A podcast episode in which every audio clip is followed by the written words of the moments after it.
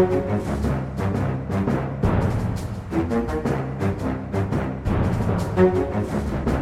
men da er vi jammen på plass i et studio med denne ukens eh, Aftenpodden. En eh, merkedag i koronahistorien. Eh, I Akersgata sitter vi Trine Eiersen, god dag, god dag. God dag, god dag. Drøy meter unna, i hvert fall, vil jeg si. Ja, ja, vi overholder jo selvfølgelig retningslinjene fremdeles. Men det er jo utrolig hyggelig å være i samme rom for første gang på månedsvis. Jeg sa det, tror, siden jeg ble kjent med Lars, tror jeg aldri vi har hatt så lang periode uten Nei. å se hverandre.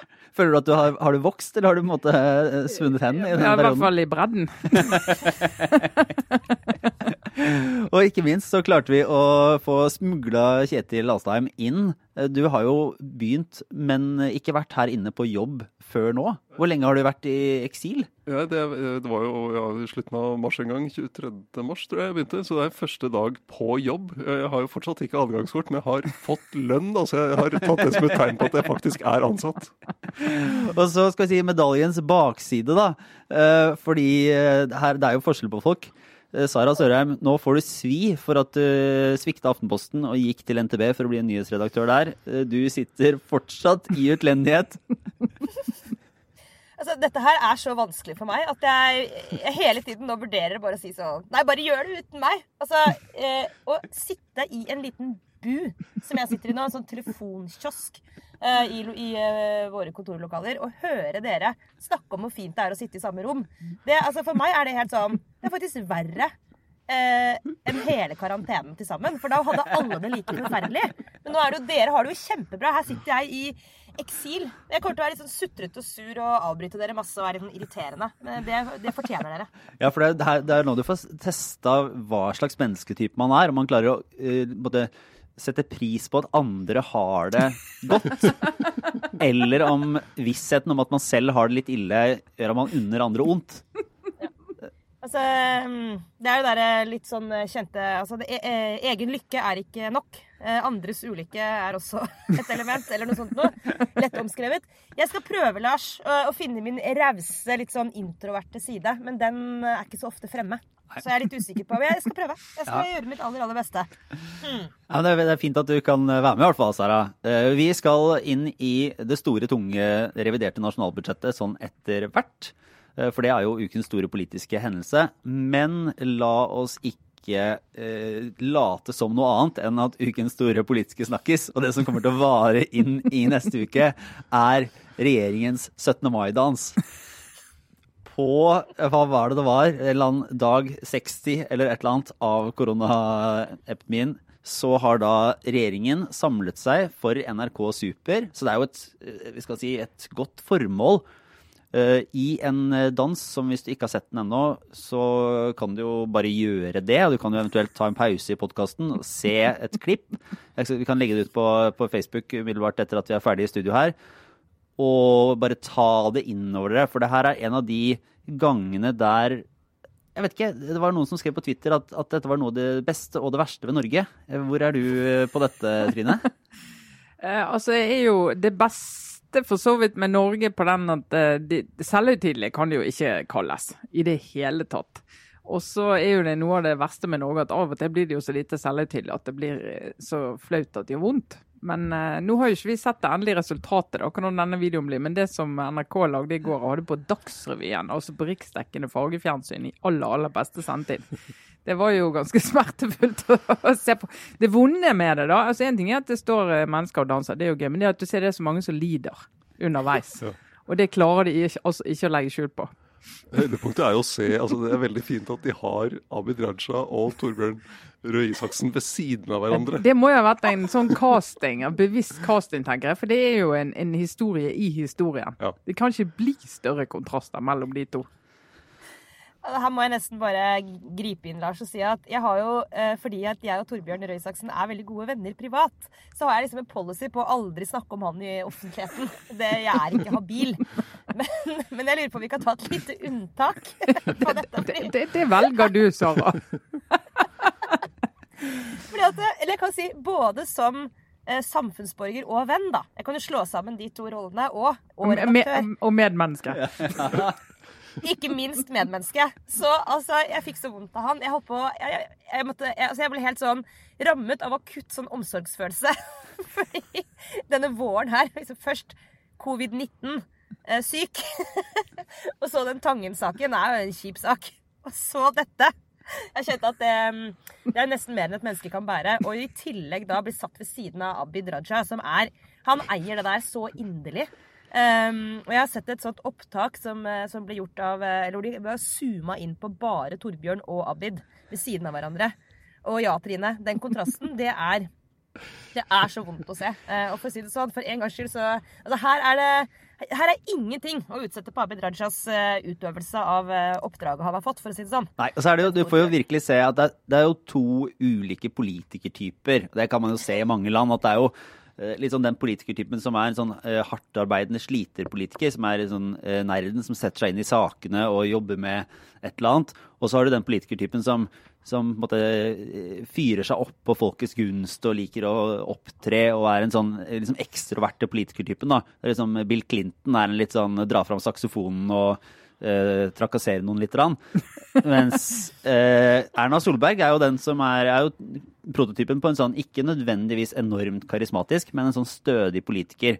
Og her ser man jo veldig tydelig at det er en overvekt av den uh, sistnevnte kategori politiker i den norske regjeringen.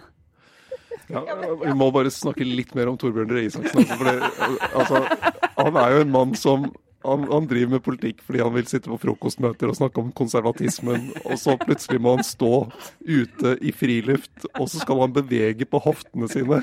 Og du ser han beveger hoftene så vidt, og du ser hvor vondt det gjør, og at han kanskje tenker at kanskje ikke politikk er noe for meg. altså, sånn jeg ser for meg, ja, han er en som har takka nei til å fortsette på Stortinget, vurderte om han skulle gjøre noe annet, komme inn i regjering, og har vært snakka om som en mulig er arvtaker til Erna Solberg. Og i sånne øyeblikk så tror jeg han uh, tenker at kanskje bare kan gjøre noe annet. Det er ikke sikkert det er så farlig. Mens Abid Raja derimot kanskje tenker hvis dette er politikk, da er jeg klar. Jeg er klar for en runde til. Si at, det ledervervet, det, det, roper på meg. Men Sveinung Rotevatn, som er, er, er, ser heller ikke sånn utrolig komfortabel ut. Jeg ser i det hele tatt for meg denne, liksom, den yngre generasjonen av politikere som kom, har kommet inn i regjeringen den siste runden, som er litt sånn sett på som litt mer street smarte og uh, på gjeng. Det er ikke helt dette her noen av dem kjøper. Men jeg så han, uh, altså, Dag Inge Ulstein så ganske frisk ut. Han så ut som han kunne dette her. Det er litt usikker på. Men for det første må jeg spørre deg, altså, Er det bare et godt, men ubekrefta rykte, eller er det sant at han egentlig er sexolog? Dette har jeg aldri fått helt bekrefta.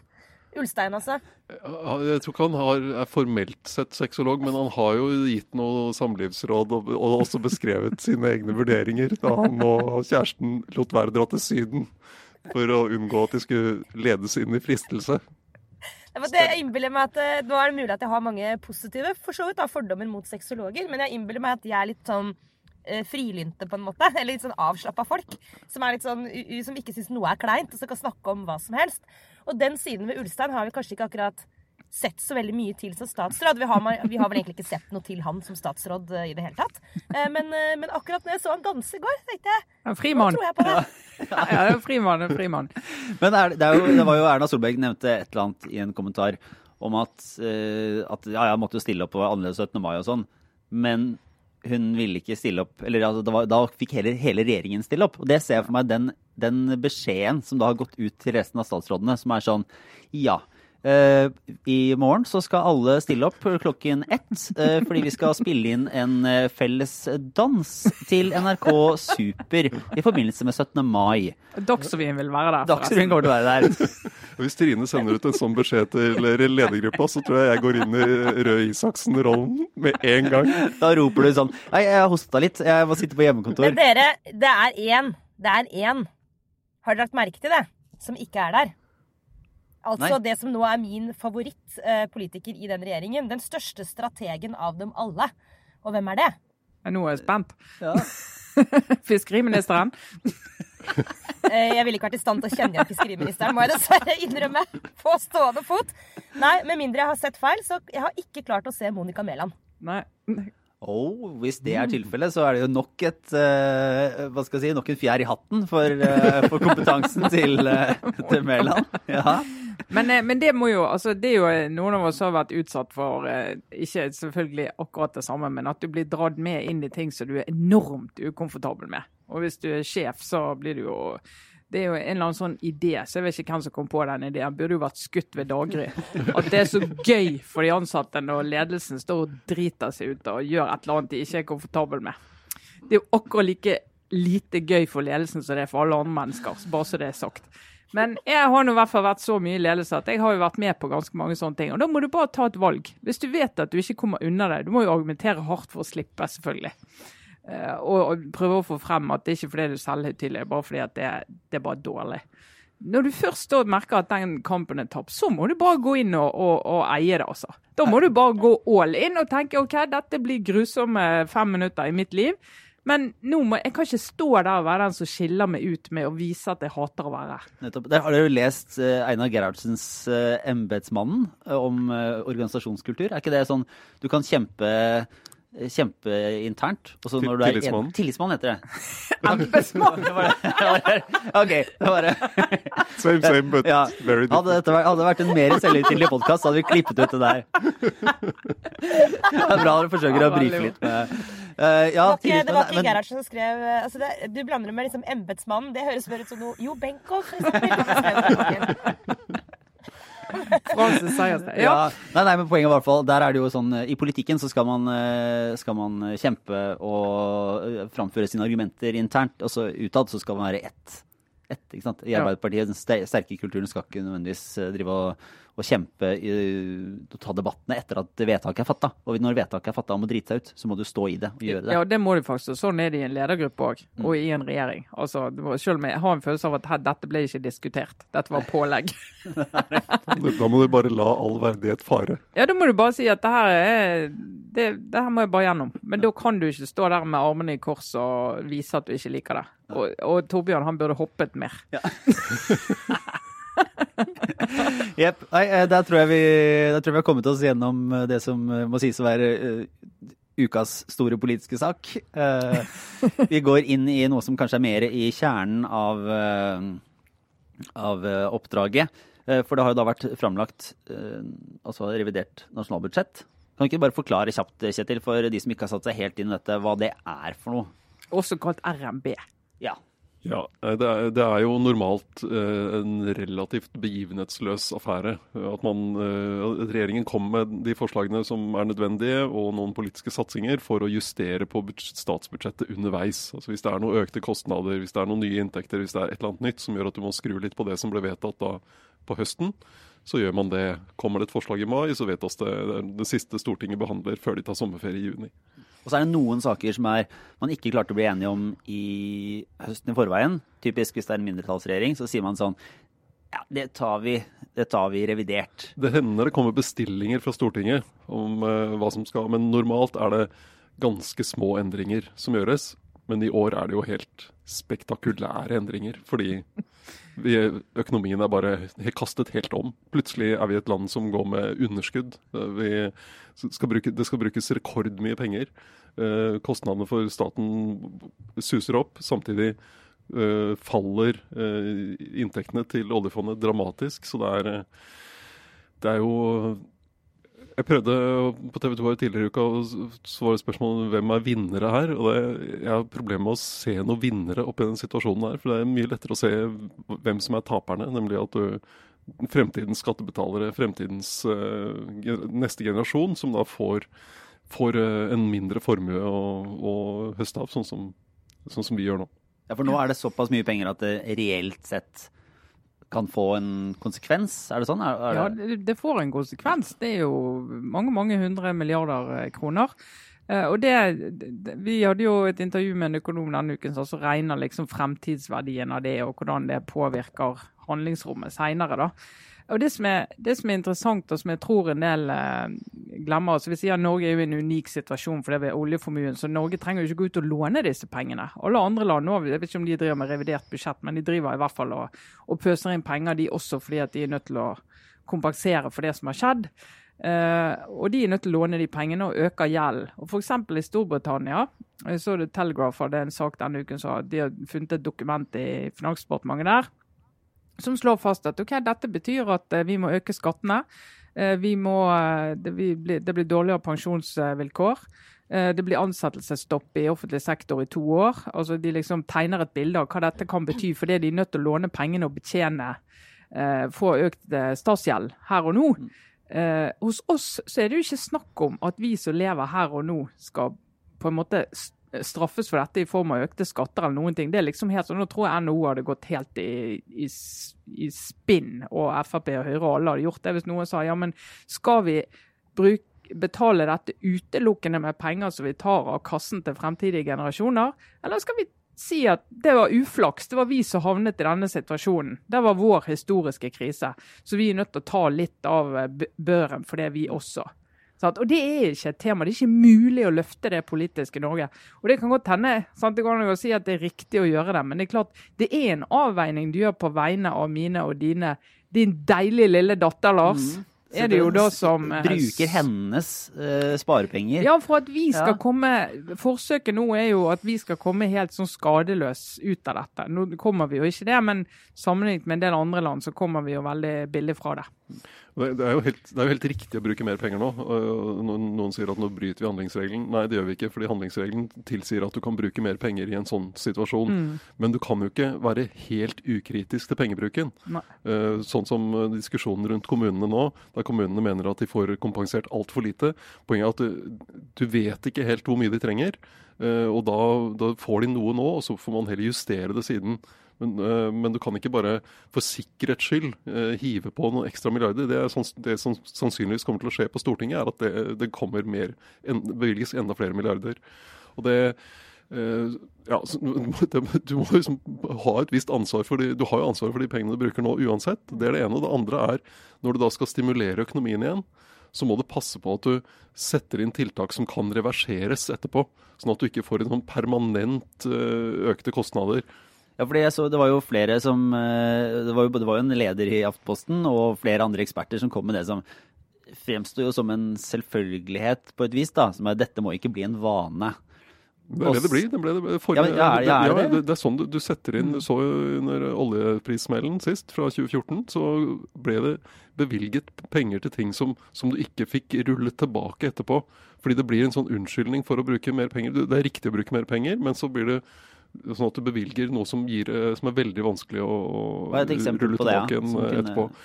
Uh, nå Skal vi se nå det var, det var, veldig Jeg husker ikke detaljene i de krisepakkene den gang, men det var veldig mye som ble, kom inn under en krisepakke for å kompensere for oljeprismellen.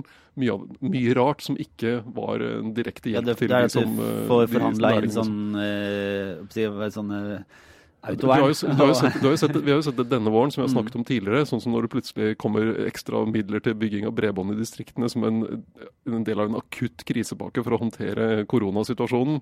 Det er, det, Du kan godt uh, vurdere det, men da må du gjøre det i en annen helhet rundt budsjettet, og hva som er riktig å bruke penger på. Ja, og det, det, så er det jo ja, Sara. Inn, ja, sorry, bare si at det er jo det er jo et annet aspekt her også. og det er jo at Vi vet jo faktisk fortsatt utrolig lite om hvor galt det kan gå. Altså, vi vet at uh, vi er blitt kasta rundt i, inn i en krise, og at økonomien er snudd uh, opp ned, som du sa, Kjetil.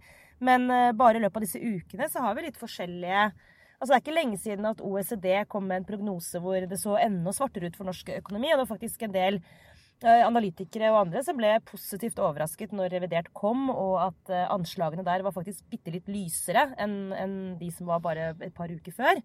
Ehm, og, men i tillegg så er det sånn Kommer det en vaksine plutselig, så vips, så er jo også den økonomiske situasjonen veldig raskt veldig, veldig mye bedre. Eh, parallelt med at kommer det ikke noen vaksine, får vi kanskje aldri Altså, vi ser også inn i en, i en situasjon her hvor det potensielt kan bli veldig mye verre. Så det er jo en helt eh, Det eneste vi vet, er at uh, ting er verre enn det var i fjor. Men det er fortsatt helt sånn umulig jeg tenker, for de som skal legge bl.a. et budsjett. da. Det er jo egentlig altfor mange x-er i det regnestykket. Mm. Men når opposisjonen de har jo stort sett vært på den eh, sida som mener at man skulle brukt mer penger. Er det, er det, en eh, form for eh, opportunisme fra opposisjonen som ikke trenger å få dette til å henge helt sammen, eller er det, er det ganske realistiske og nødvendige grep som, eh, som må, må tas, og at man liksom legger inn en slags en litt slack som, der Stortinget kan, kan gi mer penger til slutt, også, og målrette det basert på flere gode erfaringer og innspill? Men jeg, tror, jeg, tror, jeg, tror, ikke vi helt vet ennå. På, på, på den ene siden så er det jo naturlig at opposisjonen benytter anledningen til å løfte noen kjepphester og si at jeg mener, som jeg mente for tre måneder siden, så mener jeg at vi får bedre fart på økonomien hvis vi gjør dette, eller hvis vi, det er lettere å være utenfor arbeid hvis vi gjør dette. Sånn du tar inn saker som du alltid har kjempet for. Men det som, det som, er litt utfordring, det er jo en mindretallsregjering. sant? Og så er alle enige om at eh, pakkene ble mye bedre enn opposisjonen fikk jobbet med. De ble i hvert fall mye rausere. Eh, men det er klart, ble de mer treffsikre? Det er ikke helt sikkert. Det vet vi ikke ennå. Det kan godt hende. Men det som jeg tror eh, om et år eller om to år, når forskerne skal de er jo godt i gang med å forske på dette, men de skal begynne å konkludere, så tror jeg de også vil finne ut at eh, det ble litt sånn spending party. da, At liksom alle skulle inn i det. Og det er ikke treffsikkert nok. Du blir hengende igjen med, med penger som du ikke klarer å reversere. Uh, og det er, altså, det er, ikke utredet masse av det. sant? Det er litt, Hva er problemet? Gode spørsmål. Og hvordan skal vi løse det? Du starter med her er løsningen. Kan jeg få pengene? Ja, siden vi har den situasjonen, så får vi bare gjøre det. Jeg tror vi opplever masse, masse, masse penger som ikke har hatt effekt. Men det er vel litt sånn som med tiltakene som har vært gjort mot virussmitten nå, da. At, at du Altså, du vil jo få løst dette problemet, og kanskje hvis du får løst det, så, så, kan man sitte i etterkant og se at det skulle ikke vært så strengt her, en kunne gjort det på en litt annen måte der. Men vi er tross alt kommet ut på andre sida i god form, og hvis man kommer ut av dette i god form i 2021, så, så blir vel selv noen titalls milliarder litt sånn småpenger som ikke betyr noe i det her, eller er det, er det, er det litt sånn eh, lettsindig å si? Ja, men vi er vel over, Lars, eh, det som er i ferd med å gå opp for oss i en situasjon hvor det begynner å få mer å si. Altså, det er jo en vanvittig eh, luksus, egentlig, som både norske politikere og ikke minst norske folk har vært i disse årene, hvor noen titalls milliarder har gått helt greit å bomme litt på. Oi sann, det var kanskje ikke helt treffsikkert, men det gikk bra. Og så er vi kanskje over i en situasjon hvor det er ikke lenger det handlings- eller spillerommet da, i, i, eh, i, økonomien. Og da skal det kanskje være litt mer krevende å eh, komme unna i f.eks. valgkampen 2021, da, hvis eh, det viser seg at de, noen, eller kanskje til og med mange av de krisepakkene som, som nå er blitt lansert, viser seg f.eks. å være litt unødvendige. Det er, lenger, det er ikke lenger det samme handlingsrommet. Er, og så er det jo sånn at man må, man må, jo prøve å gjøre det best mulig og riktigst mulig eh, nå, selv om man etterpå kan eh, få den der, eh, vise til at det, det, gikk jo bra tross alt. Så, så du, får, du, ser jo den diskusjonen nå. Man innførte den der, det som er blitt kalt kontantstøtte for bedrifter. Og så ser du nå at det, der går det penger til Louis Vuitton og en av verdens rikeste mann, han som eier Sara, kleskjeden. Ikke, ikke, ikke, ikke, Sara. Men, fordi meg eier ingen. Sara med satt. Ja, Sara. Så det, det, det, da må man jo det, Der skjedde jo ting veldig fort, og så må man finne ut er dette treffer vi egentlig riktig, eller må vi nå rulle ting tilbake. Mm. Men vi kan jo egentlig gå videre til noe som dukka opp som kan være litt vrient å skille sånn ved første gjennomlytt, men plutselig så ble det jo en debatt ikke om revidert, men om statsbudsjettet for neste år. Fordi Fremskrittspartiet, som vi jo snakka om her sist uke, eller var det uka før, kanskje ikke har gjort det all verdens bra på målingene i det siste. Begynte å bruse med fjæra og påpeke at dersom regjeringen skulle kunne forvente seg støtte for neste års statsbudsjett, så kunne de ikke gå inn med eh, en plan om å ta imot 3000 kvoteflyktninger likevel. Og eh, det kan uh, si, Hvor dukka det opp fra, egentlig, Kjetil? Siv Jensen var ute i, i, VG og kom med det som uh, mange hørte som et ultimatum. Og så var hun på Politisk kvarter etterpå og sa at det var ikke et ultimatum. Det hun sa ordrett i VG er jeg kan her og nå si på vegne av Frp at vi på ingen som helst måte vil akseptere 3000 kvoteflyktninger hvis budsjettet skal gjøres opp med oss. Det, det høres Altså, det høres hva ikke. i den setningen er det ikke eh, sånn ultimatumsaktig, lurer jeg på. Ah, men ja, er det, hva er forskjell? Hun sa jo da, hun sa i Politisk kvarter etterpå at nei, det var ikke et ultimatum, det var et krav. Ja, og så spørsmålet, eh, Mener hun da at 2999 er greit, hvis de får eh, mye annet på andre ting, som kutt i kommunal eiendomsskatt eller et eller annet. Så det er, det er, noe, med, det er noe med hvordan Jeg syns det er veldig interessant hvordan Fremskrittspartiet prøver å kommunisere denne våren. Eh, Et annet eksempel er, eh, er det de har eh, er iskanten, debatten om oljevirksomhet i nord. Der, der de nå prøver å fremstille det som kom fra regjeringen som en seier for dem. Uh, og da, altså Det Sylvi Listhaug sa i januar, var at dersom regjeringen foreslår å flytte iskanten så mye som én meter sørover, vil vi se på dette som en krigserklæring. Det sa hun da. Nå sier Jon Georg Dale og Siv Jensen at de, dette det som kom fra regjeringen, var et nederlag for Venstre. Det, det er litt ulike måter å, å telle opp hvor mange meter iskanten ble flyttet sørover. Men det er mer enn én. Det er enten 16 000 kvadratkilometer eller 56 000 kvadratkilometer. Og, og i tillegg så jo kravet fra Frp var at iskanten ikke bare skulle ligge der den hadde ligget før, men at den skulle flyttes nordover. At du skulle åpne hele Barentshavet nord, som det heter, for eh, oljevirksomhet. Så det er, eh, det jeg syns det er veldig interessant å se hvordan de nå prøver å, å snu den iskantsaken til en seier for seg. Det er nesten som om du skulle tro det var et mønster å gå hardt ut, og så ikke Er, det, er, er ikke det egentlig Vi må følge med her Ja. for å se om det er et mønster. Ja. Det er noe å merke seg til seinere. Men var det litt sånn som eh, jeg oppfatter at Venstre drev med en stund, før de fant ut at det ikke fungerte? Men det er jo, altså, det du gambler på da, det er jo den korte hukommelsen ute hos eh, velgerne. Og den er jo, det er jo reelt. Altså, det, det, det er mange politikere som holder på med det. Trump blant andre holder på med det. Han har jo vært opptatt av koronakrisen og tatt den skikkelig på alvor kjempelenge, som vi vet. Eh, Men, eh, men det, funker jo på den måten at altså hvis ikke velgerne da blir gjort oppmerksom på det, som Kjetil eh, forbilledlig gjorde nå, så blir det litt sånn Ja, ja, det var jo Jeg hører jo Siv Jensen er jo kjempefornøyd, så du går ikke helt inn i detaljene. Kjempefornøyd med akkurat det der, og sier at det er vår seier og Venstres tapte, og sånn har det jo ofte vært.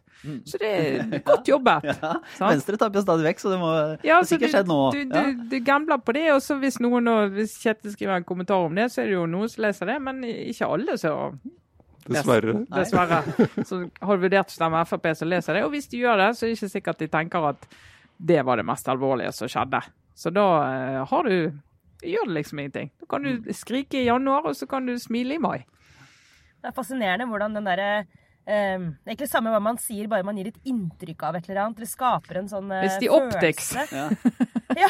Men altså, det blir jo noe litt annet. Men den eh, Dypt fascinerende også, siden du nevnte Trump. Eh, de greiene han har holdt på med nå de siste dagene rundt det han kaller Obamagate.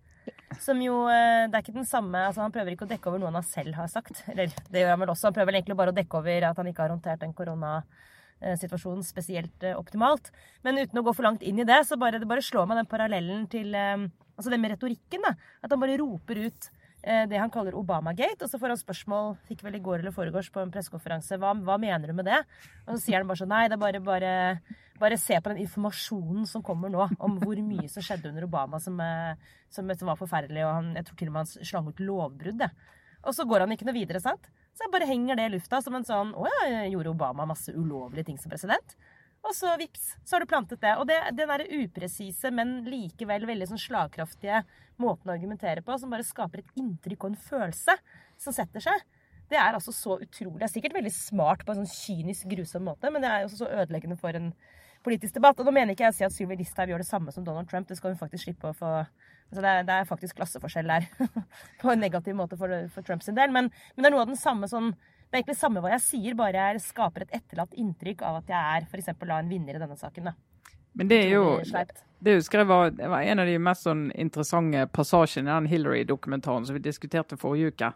Eh, Når hun eh, snakket om eh, denne metodikken som hennes politiske motstandere har hatt med å liksom løfte opp ting som, som lovbrudd, og at det er egentlig kriminelt, og det er noe dodgy og det er noe gråsone her. Så hun sier at selv om det blir tilbakevist gang på gang på gang, så blir det hengende der igjen sant? for de som ikke henger med på alle tallene. og alt det sier, Men det er et eller annet med hun Hillary, det er et eller annet med hun som jeg ikke liker. Det er et eller annet, Hun er ikke helt rein, hun er ikke helt hvit. Utrolig effektivt å bare slenge ut sånne anklager. Altså I politisk debatt, sånn som Iskanten er eksempel på, så går det ikke ut fra noen enkeltpersoner. Det er bare en, politisk metodikk. Men når det handler om enkeltpersoner, og bare slenger ut sånne anklager i en politisk diskusjon, da, da skal du vite at det er utrolig uredelig. da. Men er det, men er det, Iskantdiskusjonen ja. går det bare utover isbjørn og ja. hoppekreps. men, er, men, er, vi så rene og ranke her at, at, vi på en måte prøver å spille ned at politikk også handler om å skape et bilde og på en måte få, få markert noe som en seier, selv om det kanskje ikke er det? Det er, det, er, det som er politikk? Det er jo politikk. og det er klart Når du har gjort det litt som vi snakket om i sted. Hvis du, hvis du har et, et, eh, standpunkt, et politisk standpunkt som alle kjenner, og så går du inn og forhandler med noen andre partier og får et kompromiss, så kan du ikke gå ut når du skal selge det kompromisset og si at det syns jeg egentlig er helt drit, for jeg mener jo egentlig det jeg sa i går. Du må jo si dette kompromisset er helt topp. Jeg er utrolig fornøyd med det. Venstre gjør jo det, øh, det, samme i iskantsaken. ikke sant? De velger jo da den definisjonen som gir flest av disse kvadratkilometerne som de nå har øh, fått, øh, berget unna oljevirksomhet. Så det, mens det jo åpenbart er en diskusjon om hvilken om man, som er da ut fra en iskant fra 2011 eller en iskant fra 2015. Og Det er jo derfor de planlegger de der pressekonferansene så nøye når de skal presentere kompromissene og forlikene sine. Så ser du de har hver sin taletid og så ja. en som starter, og så, de, og så, snakker de om helt forskjellige ting. Mm. Ja, nå er vi enige om dette statsbudsjettet, og det er vi i KrF mener at det er knallgodt budsjett pga. sånn og sånn og sånn, og så går Venstre og så tar de det til vers inn. Og da snakker de om seirene, og ikke om tapene. Sånn er det bare. Men det fellesstedet for alt dette her, selv om det er eh, selvfølgelig stor forskjell på det med å ramme enkeltmennesker eh, eller diskutere sak, så er likevel den røde tråden her er jo om ordene som faller på en måte, Er det et krav fremdeles om at det du sier, faktisk skal være riktig? Altså sånn, at, skal, at, det er en sammenheng mellom virkeligheten og ordene. Du tenker bare sant? eller, er det, eller er det bare opphevet, liksom? Altså hvis uh, uh, Siv Jensen kom med et ultimatum, og så dagen etter sier at det var ikke et ultimatum. Eller, uh, eller uh, Sylvi Listhaug sier at det er helt uaktuelt for oss et eller annet, og så etterpå sier sånn Nei, jeg sa ikke det. Altså, det er bare et eller annet med den derre å komme unna med at at man bare kan late som at noe ikke har skjedd. Eller at jeg sa noe annet enn det jeg sa. Og det er jo egentlig der vi kommer kanskje inn, for en gangs skyld. Uh, uten at det er en festtale. Men altså hvor viktig det er at pressen ettergår og liksom holder fast ved det. Skulle man tro egentlig ganske faste prinsippet om at det, det, må en, eh, det, må være sånn at de ordene du bruker, faktisk må kunne holdes mot deg i en senere anledning. Da. Men det er bare fascinerende å se at i politikk så funker det noen ganger å bare du bare nekter, eller bare sier noe annet, og så går man videre, og så får ikke det noen konsekvens, da. Det er litt frustrerende. Det er vel sånn at de har, de, de har på en måte eh, sagt det har vært sant nok. Det er vel Stephen Colbert kalte det 'truthiness', var det ikke det? En gang? Ja. jo. men, eh, men, eh, det var jo også en annen liten konkret hendelse denne uka i stortingssalen der en, en litt sånn utradisjonell eh, disputt som eh, der, der, man er jo ganske sånn formell og, og, høflig i stortingssalen. Og man skal jo ikke snakke direkte til en statsråd, f.eks. Man liksom snakker sånn via presidenten når man stiller spørsmål, og sånn er ikke det? Mm. Eh, så man skal jo da oppføre seg på en veldig sånn avmålt måte. Men det ble litt temperatur i, i denne uka er ikke det? Ja, det var uh, debatt om uh, utenriksministerens uh, redegjørelse om ja, Europa, EU- EØS-redegjørelse. Og så var det en, en replikkveksling da, mellom henne, eller det var Christian Tybring-Gjedde fra Fremskrittspartiet som tok replikk på henne. Eh, og som eh, var ganske skarp, eh, for å si det sånn. Og beskyldte henne bl.a. for å skryte av at Norge tar imot 3000 kvoteflyktninger, og det er flere enn alle andre, osv. Og så kom det til en situasjon der hun slo ganske skarpt tilbake, for han anklaget henne for å ikke liksom, ha, ha, noe forhold til virkeligheten. Eh, han bor da i Gyldenløves gate eh, på Frogner i Oslo. Eller er det riktig å si Frogner her, Sara? Strengt tatt så er det egentlig Briskeby. Men det er grensen mellom Briskeby og Frogner, så ja. du kommer unna med det. Okay. Uh, og han passer i grunnen bra til å være Frogner-beboer, så det er, det er, greit for denne gangen, Kjetil. Takk. Og Ine Eriksen Søreide bor vel i gamlebyen? Eller der omkring? Eh, og og, han, eh, og hun snakket da om uh, sitt forhold til uh, lokalsamfunnet, og så kom hun med noen uh, antydninger om at dette hadde om hvilken tilnærming man hadde til altså man hadde som hun, jeg tror, problemfokus eller et eller annet sånt. Ja, ja. Så, ja, som han ble veldig opprørt over og oppfattet som et angrep på hans menneskesyn, som gjorde at han da gikk bort fra talerstolen mens hun fortsatt snakket. Og det skal du ikke gjøre. Det hender at stortingsrepresentanter i vannvare begynner å gå før statsråden har svart på spørsmålet, det, det, men det er, det er, fordi de glemmer seg. Men han gikk i protest ned uh, fra talerstolen. og det Eh, og så gikk han ut av salen, og så kom han tilbake igjen, og så tok han en, eh, et nytt innlegg der han eksplisitt sa at han ikke ville ha et nytt svar fra utenriksministeren. og, og, men hun svarte jo, hun. Men da hadde han gått ut av salen igjen, så det var litt spesiell oppførsel. Men var det Frp sin mann i presidentskapet som måtte holde han i ørene underveis? Ja, det var Morten Wold som var uh, satt og presiderte, så han måtte gi korreks til uh, Tybing-Gjedde. Men Dagens Næringsliv Næringsliv har jo skrevet en sak om at uh, dette er noe de har opplevd i Fremskrittspartiet ved flere anledninger. At, han, at Tybring-Gjedde har stormet ut av møter. og det, De har lukkede kilder, og de har også bekreftelse, en åpen kilde, nemlig den mannen som i dag åpner bar i Halden, nemlig Per Sandberg. Oh. Det er det du er mest lei deg for i dag, Lars. Altså, hadde... Du ville at vi skulle være der og spille inn. Jeg hadde en drøm om at vi skulle spille inn uh, denne podkasten fra den nyåpnede hva det heter, Grand Bar, eller noe sånt? Gran Bar?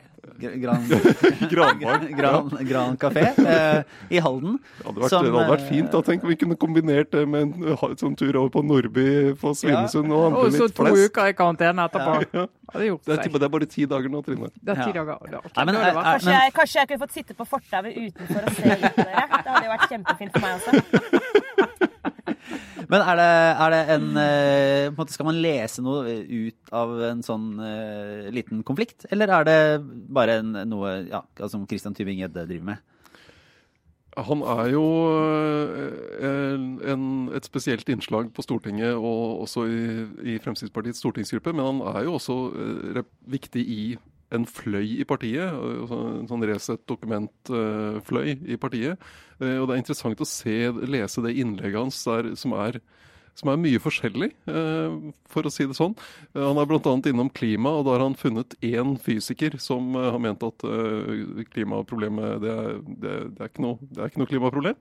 Så han mener at én fysiker som sier det, og som ikke har forsket på saken, trumfer alle verdens klimaforskere. Det er en interessant tilnærming, vil jeg si. Ja, Der nærmer vi oss snart min OR, kan jeg bare si. vi, kan, vi, kan, egentlig vi kan gå eh, rett over, tenker jeg. For jeg, jeg tror vi har vi, har, vi, nærmer oss uh, tida vår, og det er mye spennende på, på planen. På OR-runden, på vår lille gjennomgang av obligatorisk refleksjon. Ting som vi tenker på inni helgen og gjennom uka. Ja, og da, som Kjetil sier, så hvis du har et standpunkt du er veldig opptatt av, så kommer det en, noe som ligner på en forsker forbi. Fetteren til en forsker som mener det samme som deg, så tar du det til inntekt for det du mener. Og det jeg eh, merker nå i um, disse koronatider Nei, nei, nei. nei. Jeg trodde vi, jeg trodde vi Du må få en sånn lydeffekt ja. Beep, beep, beep. Det er at uh, alle de som hater åpne kontorlandskap, de har fått vann på mølla. Nå er, det, nå er det bare eh, Ja, dette viser åpne kontorlandskap. Nå er det bare over og ut, og vi må bare slutte med det. Og det er smittefarlig, og det er ditt og datt. Nå har du mange Nå er det selvfølgelig de som mener at alle bør jobbe hjemme resten av livet. De må bare ta seg mange boller, Sara. Der tror jeg vi kan være helt enige. Ah, ja. Men det som er fascinerende med åpne kontorlandskap, det er det at eh, mange av de som eh, da skal finne ut av hvordan det står til i åpne kontorlandskap, de er forskere. Forskere de jobber ikke i åpne kontorlandskap. De har aldri gjort det, kommer aldri til å gjøre det. Og Hvis det er noen som får en forsker til å gå helt i grått og til å liksom bli helt irrasjonell, eh, og fjerne seg fra alle faktum i verden, så er det diskusjon om åpne kontorlandskap. Og hun, Nina Kristiansen, hun er redaktøren i bladet Forskning, og som også spaltist hos oss, hun skrev veldig godt om det her eh, rett før korona, faktisk. Det, finnes egentlig ikke forskning. altså Du kan ikke samle all forskning om åpne kontorlandskap og si at den forskningen viser at åpne kontorlandskap er en dårlig måte å jobbe på. For det er jo Åpne kontorlandskap er riktig for noen, og så er det galt for noen, og så er det helt feil for andre. Og så er det masse personligheter inni dette her. Men når de ser på hva oppgaver som skal løses, så skal du jobbe. Og jeg kan si jeg har jobbet i over 20 år, aldri hatt eget kontor. Jeg har et kontor nå som jeg bruker av og til, for det må ha en samtale som ingen skal høre på. Ellers har jeg ikke hatt kontor. Jeg har hatt jobber og oppgaver hvor jeg godt kunne trengt et kontor, men så har jeg hatt mange jobber og oppgaver hvor jeg egentlig ikke kunne det, og hvor hele kjernen i oppgaven gjør at det er nyttig for meg å kunne snakke med andre på jobb. Men denne der, akkurat der mener jeg så mange forskere er helt ute å sykle. Det er bare sånn, og du ser i sosiale medier, mange av våre kollegaer og mange av disse såkalte tankearbeiderne, om du kan kalle det det, bare kaster seg på. Kommer en ny rapport, et eller annet. Dette viser at åpne kontorlandskap det er en krise. det er en krise. Men det er helt useriøs diskusjon om åpne kontorlandskap. Får man bare skjerpe seg. Ja, kan jeg bare legge til der at uh, dette temaet er jo dere, kan jo dere kan jo gjette om jeg trives på kontor eller i åpent landskap. Men uh, det som irriterer meg, er at her har, nå har bevisbyrden liksom vippa, eller hva jeg skal si for noe. Altså i um, i begynnelsen med åpent landskap så var det lov å snakke. Og så var det sånn ok, Hvis ikke du tåler at folk prater, må du ta på deg headset og stenge deg inne i din egen boble. Fordi mennesker trenger å kommunisere med hverandre. Det er hele poenget med å ha et åpent landskap. Men nå opplever jeg flere og flere steder at de introverte har vunnet. Nå er det sånn, det er omvendt. Det er sånn, det er ikke lov å snakke når det er åpent landskap. Skal du prate, må du gå inn på et kontor. Hele, og da er jo hele poenget borte. Og dette mener jeg er sånn undervurdert. Altså, dette må noen av oss Altså, Hvor er den Facebook-gruppa? Uh, vi som kjemper for at åpent kontorlandskap igjen skal bli nettopp åpent. Uh, det, den, den, kjenner jeg at den kan jeg melde meg inn i. Sara, Fordi... Sara blir du provosert av stillevogner på toget? Stillevogn på toget er som et slag i trynet uh, når du liksom setter deg ned og tenker ah, Eh, bortsett fra de få gangene jeg vil ha det stille selv. Da. Det skjer jo faktisk det også. Men, eh, men helt alvorlig, altså den der, stillheten, den kunstige stillheten i et åpent kontorlandskap gjør meg altså så stressa. Det er jeg helt enig i. Ja, og så er det sånn ja, for det er jo Da gjør man hele det store åpne kontorlandskapet til et gammeldags kontor. Et fengsel. Det er, det er ikke poenget. Da, da, blir, da, har man på en måte kjøpt premisset om at vi bare sitter der samla av økonomiske årsaker fordi at vi ikke ja. har plass og råd til å sette opp vegger. Mm. Men ikke fordi at det faktisk er utviklende å snakke med en kollega. Så ja, der jeg støtter. Hvor er, hvor er du på det her, Kjetil? Jeg tenker at du kan falle litt begge, begge veier. Jeg har jo faktisk hatt kontor uh, i mange, mange år. Flytt... Velkommen til oss, nå er det over. jeg flyttet, flyttet ut av kontoret her i høst, og syntes det var i grunnen veldig fint. Så, så det, men det, det er altså, du, det, du, må jo bygge en eller annen kultur for hvordan man altså, å rope over alle kolleger, liksom. Så det, det er jo litt forstyrrende. Men, det, ja. men, men, så er det jo Det jeg tror denne fasen, denne koronakarantene, bla, bla, greiene vi har vært gjennom, eh, kan gjøre, da, det er jo at du kan velge litt. Ok, Nå skal jeg løse en sånn oppgave. Da passer det for meg å sitte hjemme å jobbe. Jeg kan være med på morgenmøte på video, men det passer at jeg sitter hjemme og gjør ferdig den oppgaven. Nå skal jeg jobbe med disse oppgavene. Da er det helt riktig av meg å være her der jeg kan snakke med de fem andre som jeg er helt avhengig av for å få løst den oppgaven. Sånn at du kan få mer fleksibilitet. Mm. Jepp. Uh, Kjetil, hva, vil, hva, er din obligatoriske refleksjon denne uka? Nei, Jeg har bare en liten anbefaling og litt refleksjoner rundt den. Uh, det er uh, en Siden vi begynte med musikk og dans og sånn, fortsette på musikksporet. Queen, som har spilt inn da en ny versjon av We Are The Champions med da en fin liten video der du har uh, gitarist Brian May og trommis Roger Taylor og vokalist uh, Steven Lambert på hvert sitt hjemmekontor. Uh, der, de, der, de, der de, de, har lagd en veldig kort versjon da, av We Are The Champions. Og det de gjør, er at de bytter Dette er nesten som i Love Actually, der du har den derre Love is all around you, og så bytter du ut med Christmas is all around you. Så bytter de ut, når de kommer litt ut i sangen, så bytter de ut We Are The Champions til You Are The Champions, og så handler det om, ja, så handler det om de som er i frontlinjen for i kampen mot koronaen. Og dette er, dette er liksom eh, eh, Enten så er dette sånn eh, gåsehudstemning, eller så er dette sånn kjendispinlig. Ja. Og, og, og, videoen, når du ser videoen, så da funker det sånn gåsehudfremmende for meg, altså med de bildene fra den krisesituasjonen som vi er oppe i. så jeg anbefaler alle å se på den, og de inntektene går jo da selvfølgelig til Verdens helseorganisasjon. Men det gir jo litt sånn kan, kommer det da en ny versjon av 'Do they know it's Christmas'? Do they know it's corona time at all? Så det er veldig mye gøy man kan snakke om. Det kan gi utgangspunkt for mye, mange gode samtaler i helgen. Den, å, den, eh, det høres eh, det høres litt pinlig ut. Vi må teste det. Ja. Vi må teste. Altså, Det som jo kommer til å skje nå fremover, er jo eh, For det første kommet for mange sånne pinlige eh, Noen bra, men veldig mange pinlige sånne virale greier fra hjemmekontor. Eh, men det som også skjer nå, vet, er jo at kulturmenneskene har jo sittet nå veldig mye for seg selv. Eh, og da kommer det ut bøker. Altså det Og lange, lange artikler. Altså det kommer lange artikler og lange, lange bøker eh, om livet i ensomhet. Det er bare å stålsette seg. Og nå så jeg Jeg har bare sett overskriften, så jeg kommer tilbake til dette. Men jeg så jo da eh, kanskje tidenes minst overraskende overskrift i en nyhetssak noensinne. Karl Ove Knausgård har skrevet bok i koronatiden. sånn det, det og, og, jeg tror ikke vi kan begynne å snakke om det engang, men har jo, det har jo vært eh, fordi da, da går det en time til. Men eh, kanskje vi kommer tilbake til det. Det har jo vært en del diskusjon nemlig denne uka om en artikkel som Åsne Seierstad har skrevet, bl.a. i amerikanske, altså i uh, New York Review of Books, var det vel, om sitt liv i koronatiden. og så videre og så videre. Linn Skåber kom med en bok eh, nå eh, hvor hun har samlet eh, eh, seg og noen andre venner sine tekster om eh, livet i koronatiden. Altså, ja, dette her, eh, dette her er, bare det er bare å spenne setebeltet. Vi kommer til å høre om dette her i årevis fremover. Men noe kan slumpe til å være bra, men det kommer til å bli 13., Kjetil. Den debatten på, om Åsne Seierstads tekst, den fikk jo et, et kraftig svar i Klassekampen. Eh, nå eh, glapp navnet til hun som skrev den. Eh, Kaja Skjerven Malerin, En Nettopp. ganske strålende skribent som jo plukket fra hverandre teksten til Åsne Seierstad og vil jeg si med rette poengterte at den var en smule klasseblind.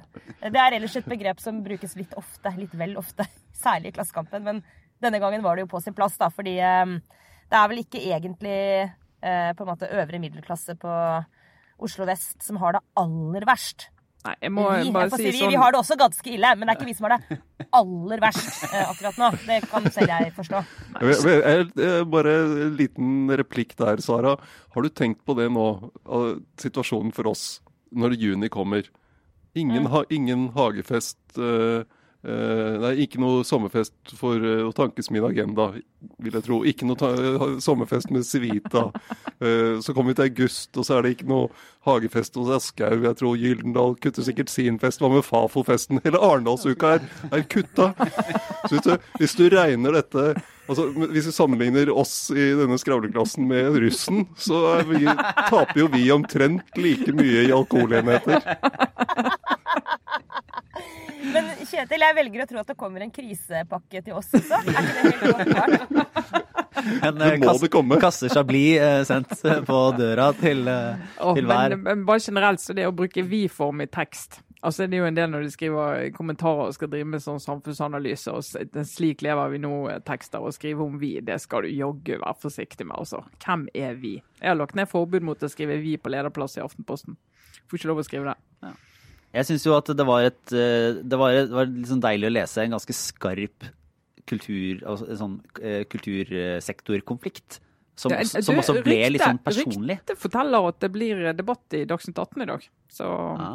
dette, dette, er ikke over. Ja, ja. Men det er fint. Det går liksom I dag, for de som ikke tenker at. Jeg tenker at norske, liksom, norske kultureliten er litt for redd for sånne ganske harde personangrep.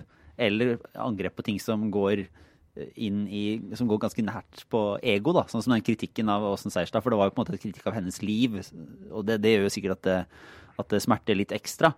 Men det gir en liten sånn ekstra gir en liten piff da, i, i det, så det syns jeg var fint. Eh, var det, kom, var det nå din eh, obligatoriske refleksjon, Sara, eller eh, hadde du noe mer på lager? Nei, jeg skal bare, bare si altså dette, dette, er jo da, i tillegg til regjeringens uh, dansekrumspring, så er jo akkurat den um, teksten til Åsne Seierstad faktisk vært Den har jeg brukt mye tid på de siste ukene, så du kan legge den ut på, på siden vår, Lars. Den er veldig interessant, og det er gøy å, å snakke om den. Så jeg skal, skal, ikke snakke så mye mer om det andre jeg hadde på lista mi. Jeg skal bare konstatere det, fordi det er egentlig en eh, av viktige ting, altså ekte viktige ting som har skjedd denne uka. Så skal jeg bare nevne at i går ble det vedtatt endelig, etter snart ni år, at det skal bygges et eh, sånn minnesmerke for 22.07. Eh, på Utøyakaia i Hole kommune. og Det ble vedtatt i kommunestyret i Hole i går. Og dermed er den saken endelig, mest sannsynlig i alle fall, landet, og det kommer et minnesmerke. Og det, altså et permanent minnesmerke. Og jeg skal bare si at det eh, Det er så bra, men det er altfor sent.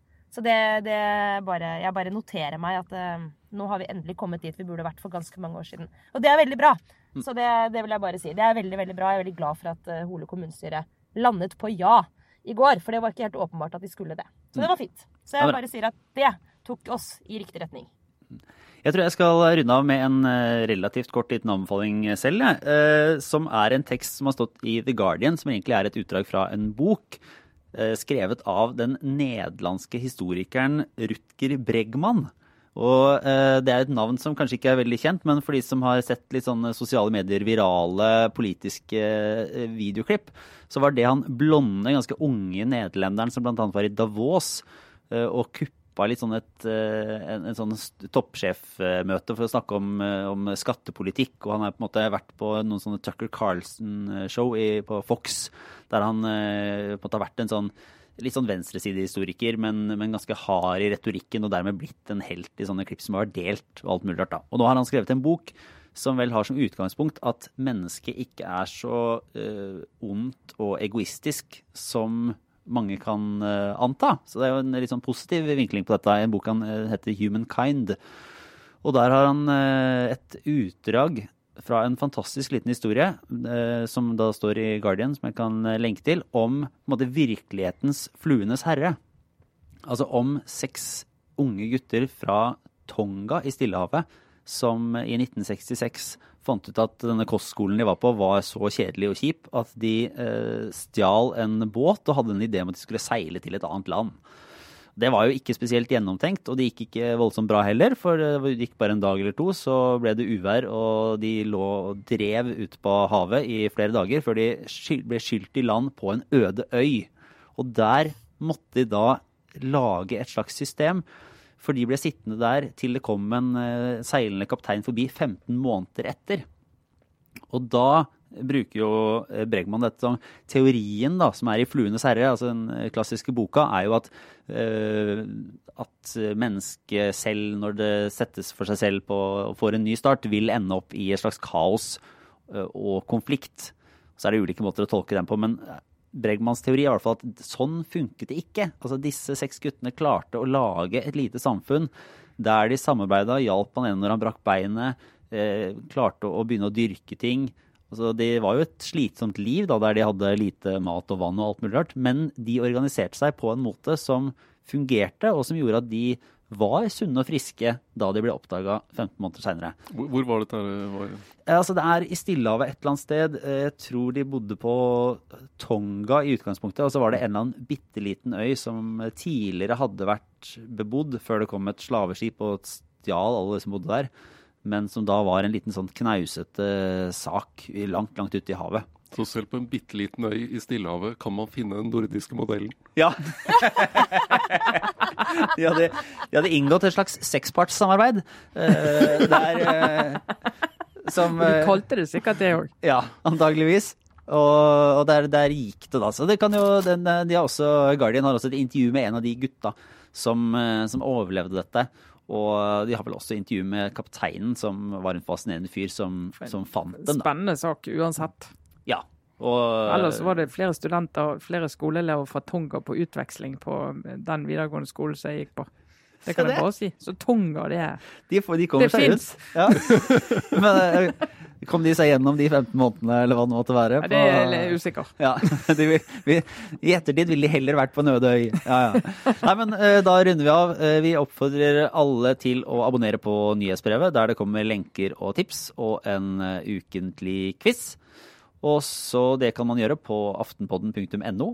Eh, Enkelt og greit. Det er for abonnenter av Aftenposten, og det kan man jo gjerne bli, og anbefaler alle å være. Hadde du noe, Trine? Ja, jeg vil bare si det at nå har det jo skjedd noen ganger at vi ikke har kommet ut på torsdag. Sånn som vi har hatt som vane. Og neste uke er det jo Kristi himmelfart. og ikke sikkert vi kommer ut på torsdag da heller. Men vi vil oppfordre alle til å følge med på Facebook-siden.